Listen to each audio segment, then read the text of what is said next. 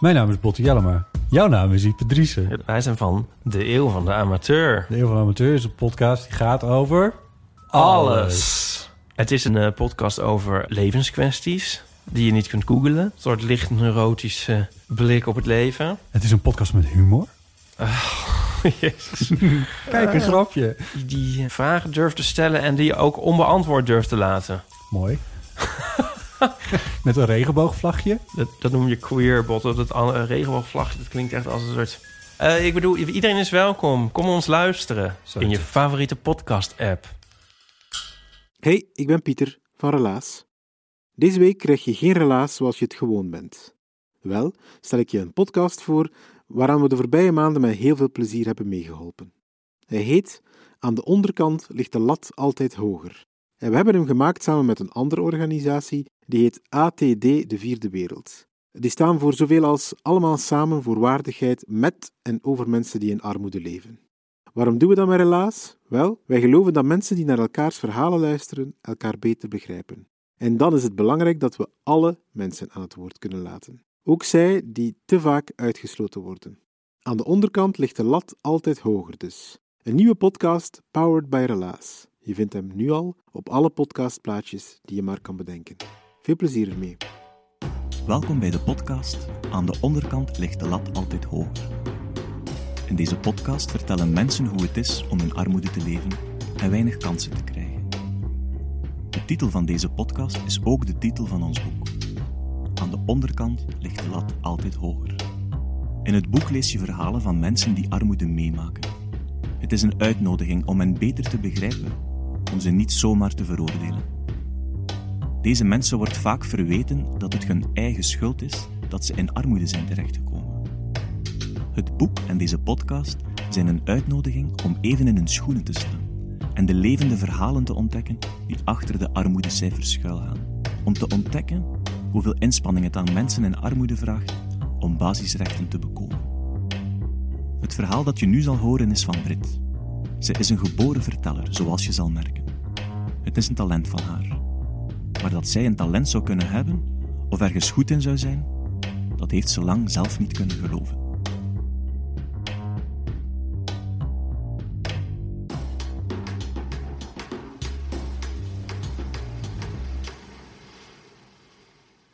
Ik zal een verhaal vertellen eh, over een tijd, zal ik zeggen, dat ik mij minderwaardig voelde.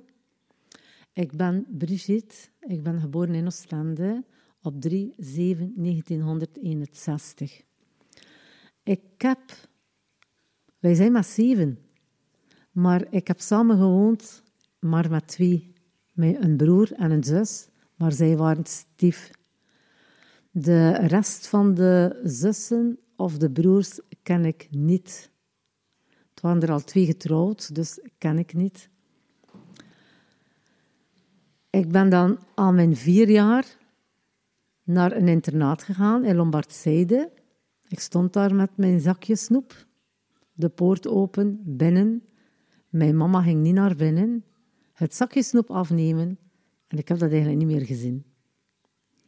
Ik heb daar twee jaar gebleven, op internaat. Ik ben bijna nooit naar huis geweest. Ik kan zelfs niet zeggen wanneer ik naar huis was gegaan. Dan, aan mijn acht jaar, ben ik dan overgeplaatst naar Kokzijde, ook een internaat, tot mijn tien jaar. Vandaar was dat hetzelfde, ook heel weinig naar huis gaan, geen besef hebben van niks. Dan ben ik vandaar overgeplaatst naar Osduinkerke, een BLO-school. En daar heb ik dan gebleven tot mijn zestiende jaar. Je moest maar naar school gaan tot 16 jaar. De leerplicht was die leeftijd. Ik ben dan, eerlijk gezegd, niet veel naar huis gegaan om de trimester. Maar ik kwam niet graag naar huis. Want als ik thuis kwam, was het... Ik vroeg aan mijn moeder, is mijn vader thuis? Ik was bang. Omdat ik altijd mishandeld werd. Was ze thuis, kreeg ik slag. Was ze weg, werd ik uit mijn bed gehaald om slag te krijgen, zonder dat ze het weet. Ik ben dan opgegroeid, nog altijd in het internaat, eh, tot mijn zestiende. Dat was mijn stiefvader. Ik wist dat nog, nog, nog niet op dat moment. Hij had keelkanker. Ik heb mijn eerste communie gedaan daar, mijn plechtige communie gedaan, maar ik heb geen bezoek gehad. Ik heb mijn moeder niet gezien. Omdat mijn moeder altijd bij die man moest zijn. Maar als ik twaalf jaar was, is hij gestorven. Ze hebben mij dat dan doorgegeven, de nonnen, want ik zat in een nonnenschool. En ik was zo blij. Dat was een feest voor mij. Joepie. Ik ga niet meer mishandeld worden. Ik kan met een rustgevoel naar huis gaan. Maar dan kon ik ook vanaf die momenten eigenlijk wekelijks naar huis gaan. Dat was ook al goed. Ik woonde met mijn zus dus en met mijn broer. Eh. Maar mijn zus, hmm, zij had een heel ander karakter dan ik. Zij had meer de bedoeling van mensen te pesten. En zij wou daar mij in meeslepen. Maar ik was dat niet. En ik deed daar niet aan mee. Zo dus paste zij mij. Het ging zodanig ver dat ik eigenlijk, want we sliepen samen op een kamer, dat ik van daaruit eigenlijk de zolder heb genomen. Met de dakpannen bloot heb ik daar een bedje gezet, een klein kastje.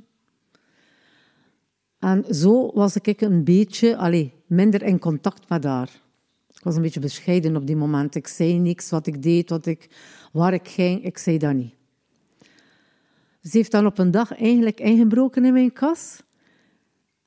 En, maar ik had in de tussentijd wel, eerlijk gezegd, ook allee, een dagboek. Wat heeft ze gedaan? Ze heeft eigenlijk mijn dagboek uitgehaald en voorgelegd aan mijn moeder. En ze heeft zij daarover gesproken aan mij, omdat ik dingen daarin schreef dat eigenlijk niemand mocht weten. En ik vond dat heel erg. Want op dat moment had ik zo'n gevoel van, wie ben ik eigenlijk? Waarom is mijn moeder kwaad voor mijn dagboek? Omdat ik daar dingen schrijf dat zij niet moet in weten. En mijn zus die mij constant past. Dan aan mijn 16 jaar, ik heb geen diploma behaald, omdat ik vroeger weggegaan ben. Aan mijn 16 jaar was ik dan thuis en ik begon dan ook wel soms een keer weg te gaan wekelijks. Ik had ook mijn uren. Maar ik mocht niet gaan werken. Ik moest altijd thuis blijven, bij mama, alles doen. Maar alles, haar haar tot het kuisen, tot boodschappen doen, noem maar op.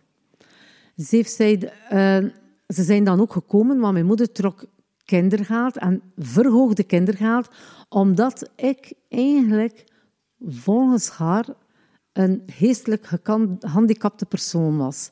Dus ik werd zo behandeld.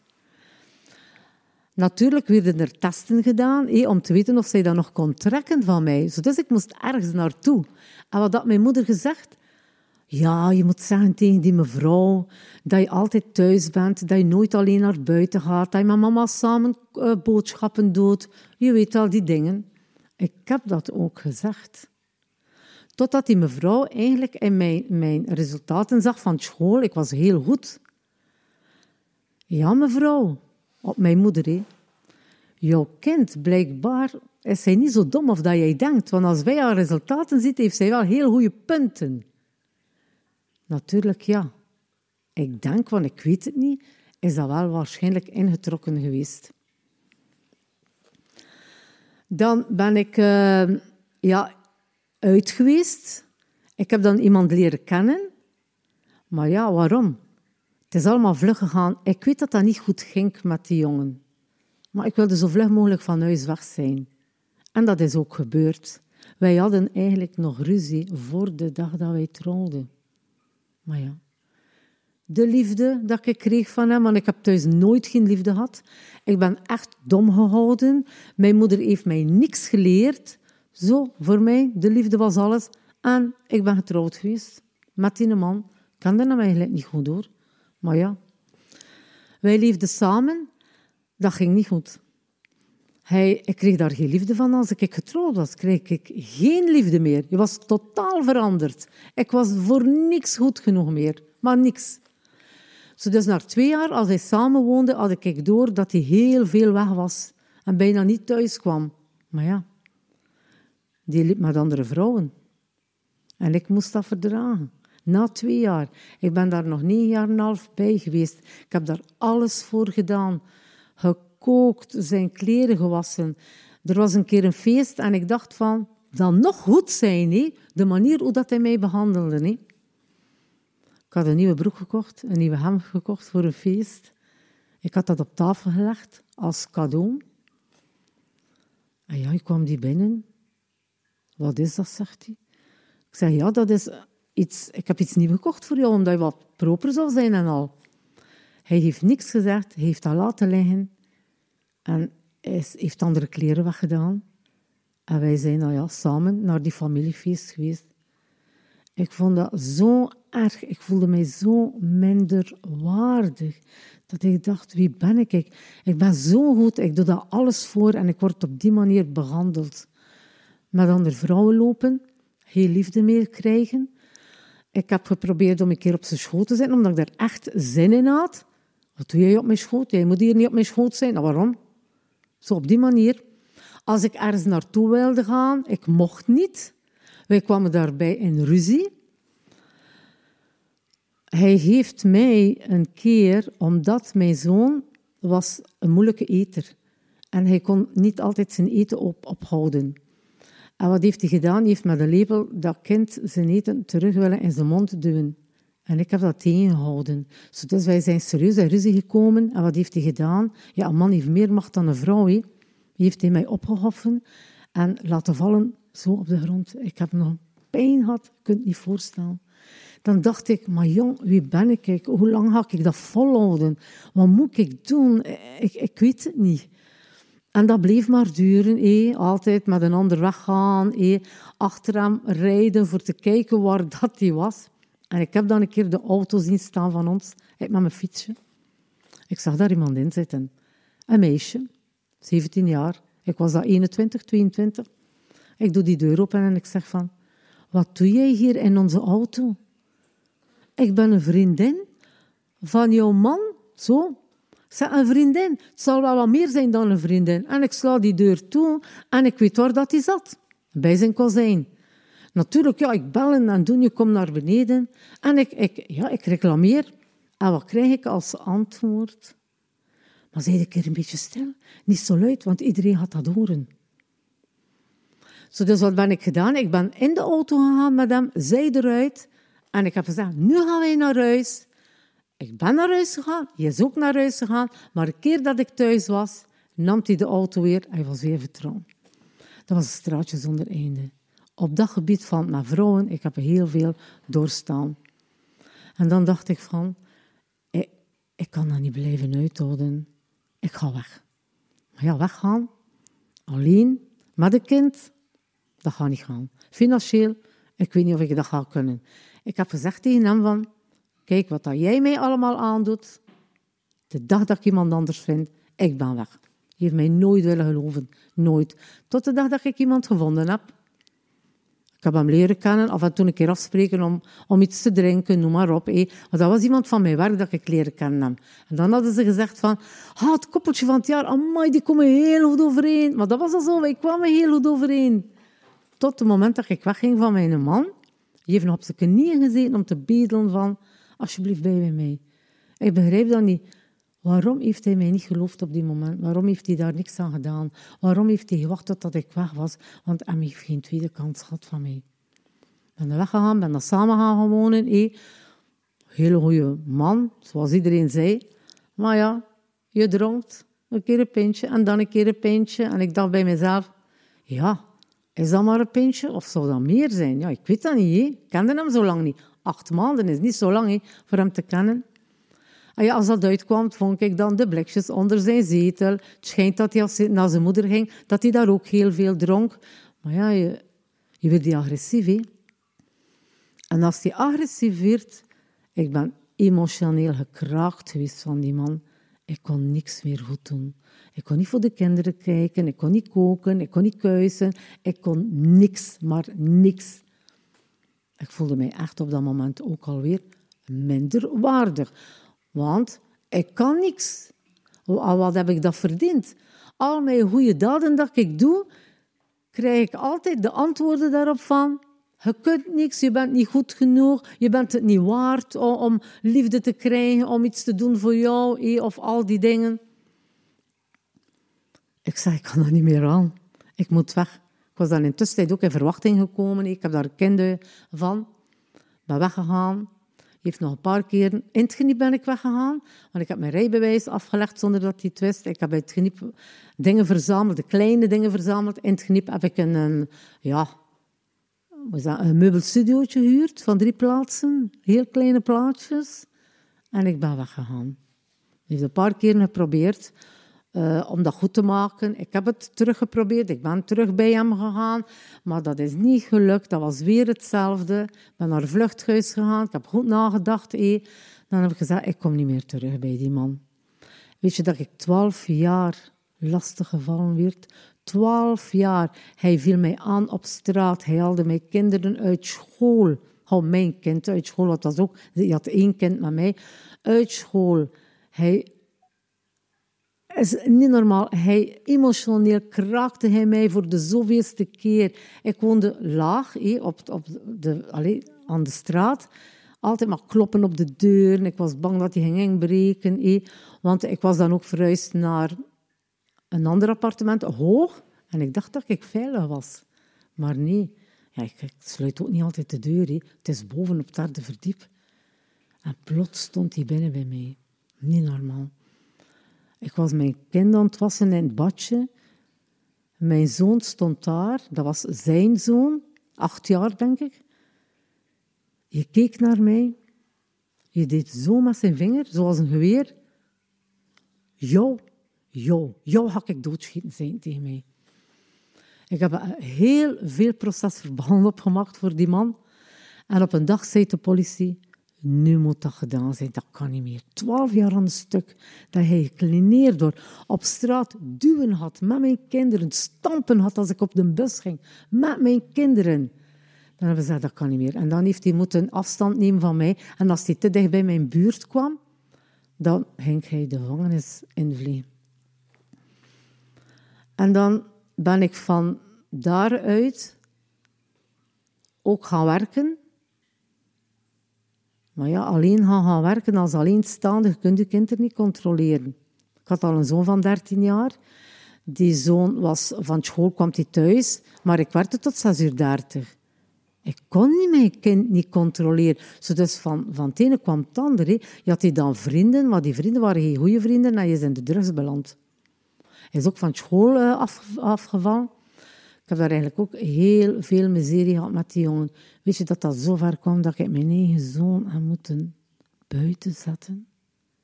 Als eigen moeder, omdat ik mijn andere kinderen moest beschermen. Ik had drie kinderen nog. Dat ik mijn andere kinderen moest beschermen omdat hij zo ver ging. Dat hij zijn spul niet meer terugvond. Dat hij dat al stak op mijn andere kinderen. Ken je dat? Ja, ja, wacht maar. Het zal mijn broer zijn die het gedaan heeft. Wacht tot ik hem zie. Ik heb iets moeten doen, hè. kon niet anders. En ik heb zoveel gevochten in mijn leven om vooruit te geraken. Moeilijk gehad financieel, want ik ben heel veel alleen geweest. En ik dacht van, maar waarom, waarom, waarom aan mij? Waarom moet ik dat leven hebben? Waarom word ik zo behandeld? Ik heb een aanvraag gedaan voor in de vismijn te werken, dat ik dat graag deed. Visfileren, ik doe dat gewoon graag. Maar ik moest rekenoefeningen invullen. Dat was met de VDAB. Ik kon dat niet. Ik heb in de BLO gezien. Ik, die oefening, die rekenoefening, ik verstond het niet. Ik ben daar geroepen geweest, was roepen iedereen zo afzonderlijk voor te praten. En die man zei, hoe komt dat dat je dat niet ingevuld hebt? Ik zeg, meneer, ik kan het niet. Ik heb het niet geleerd. Meer heb ik niet gezegd. Wat, moet ik dat tegen iedereen zeggen, dat ik in een bijzondere school gezeten heb? Allee. Ze hebben dat doorgestuurd naar de VDAB en ik heb zelf die aanvraag gedaan om dat te mogen doen. Zelf, Ik ben geweest. Uh, ze hadden gezegd dat ik dat met opzet niet ingevuld had. Ik heb een advocaat moeten afstaan van het syndicaat. Echt waar. Ik had geen geld meer. Niks. Ik kon niet leven. En ehm, ik heb dat gehad. Ik heb heel veel bewijzen gehad van interim. Ik heb met interim veel gewerkt. Ik had gezegd, mogen feestdagen zijn, mogen weekend zijn, alles erop en eraan. Je mag mij vragen wanneer dat je wilt. Alles is welkom voor mij. Zo, dus die bewijzen had ik. Ze hebben dat dan voorgelegd. Ik heb een maand geld moeten vragen aan het mee. Ik kon niet anders. Maar ik heb dat proces gewonnen. Ja, ik heb heel veel bewijzen gehad dat ik werkte. Ziet? Want ze hadden gezegd van... Ja, je hebt al geweigerd voor in een winkel te werken. Maar ja, waarom heb ik geweigerd voor in een winkel te werken? Ik moest aan de kassa staan. Ik kan dat niet. Ik was bang. Ziet, ik heb nooit niks geleerd. Ik was naïef. Ik heb niks meegekregen van mijn moeder thuis. Ik kan, kan niks.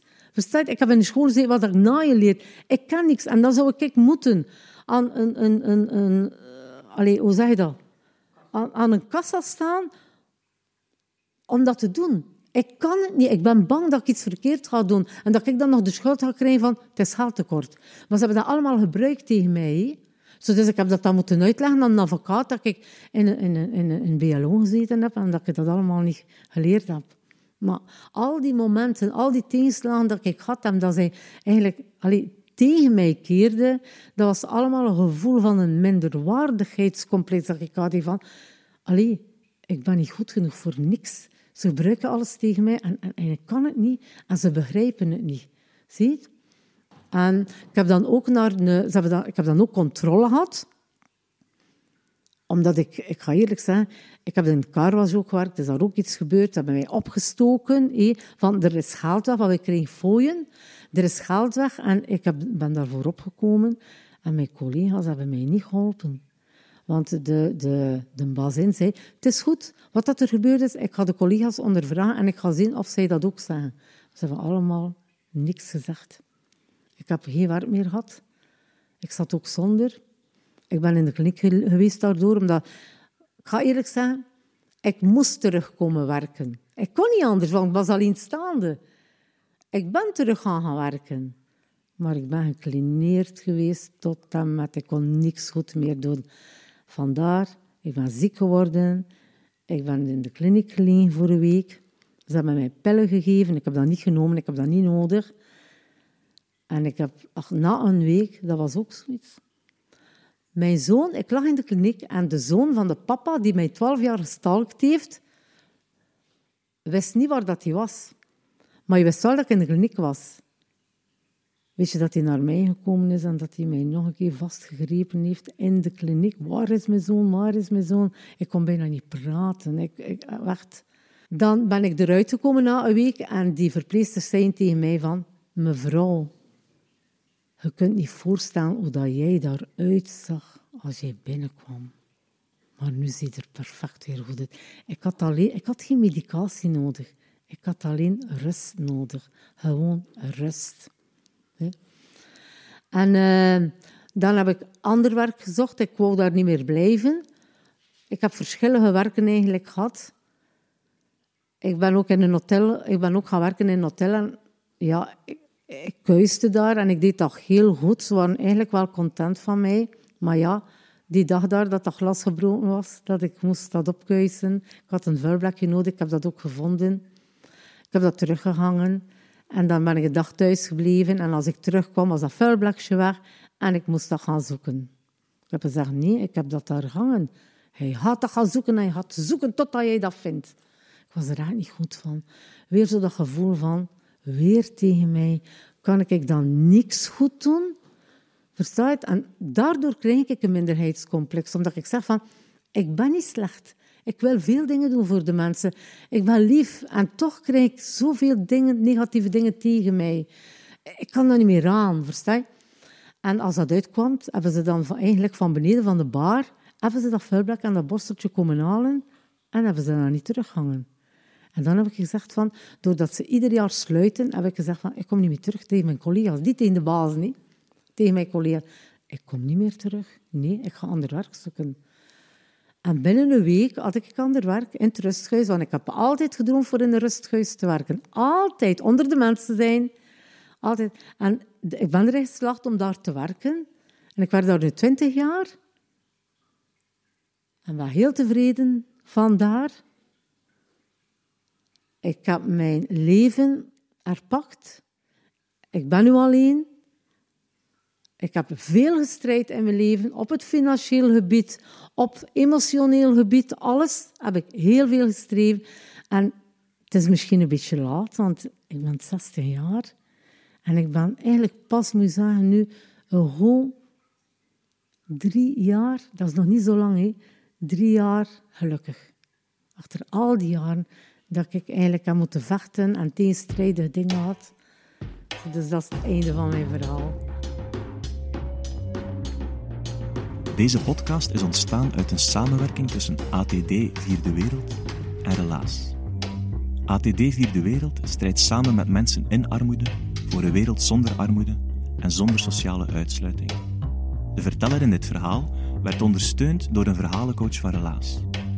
Relaas is een podcast met waargebeurde verhalen, verteld door de mensen die het zelf hebben meegemaakt.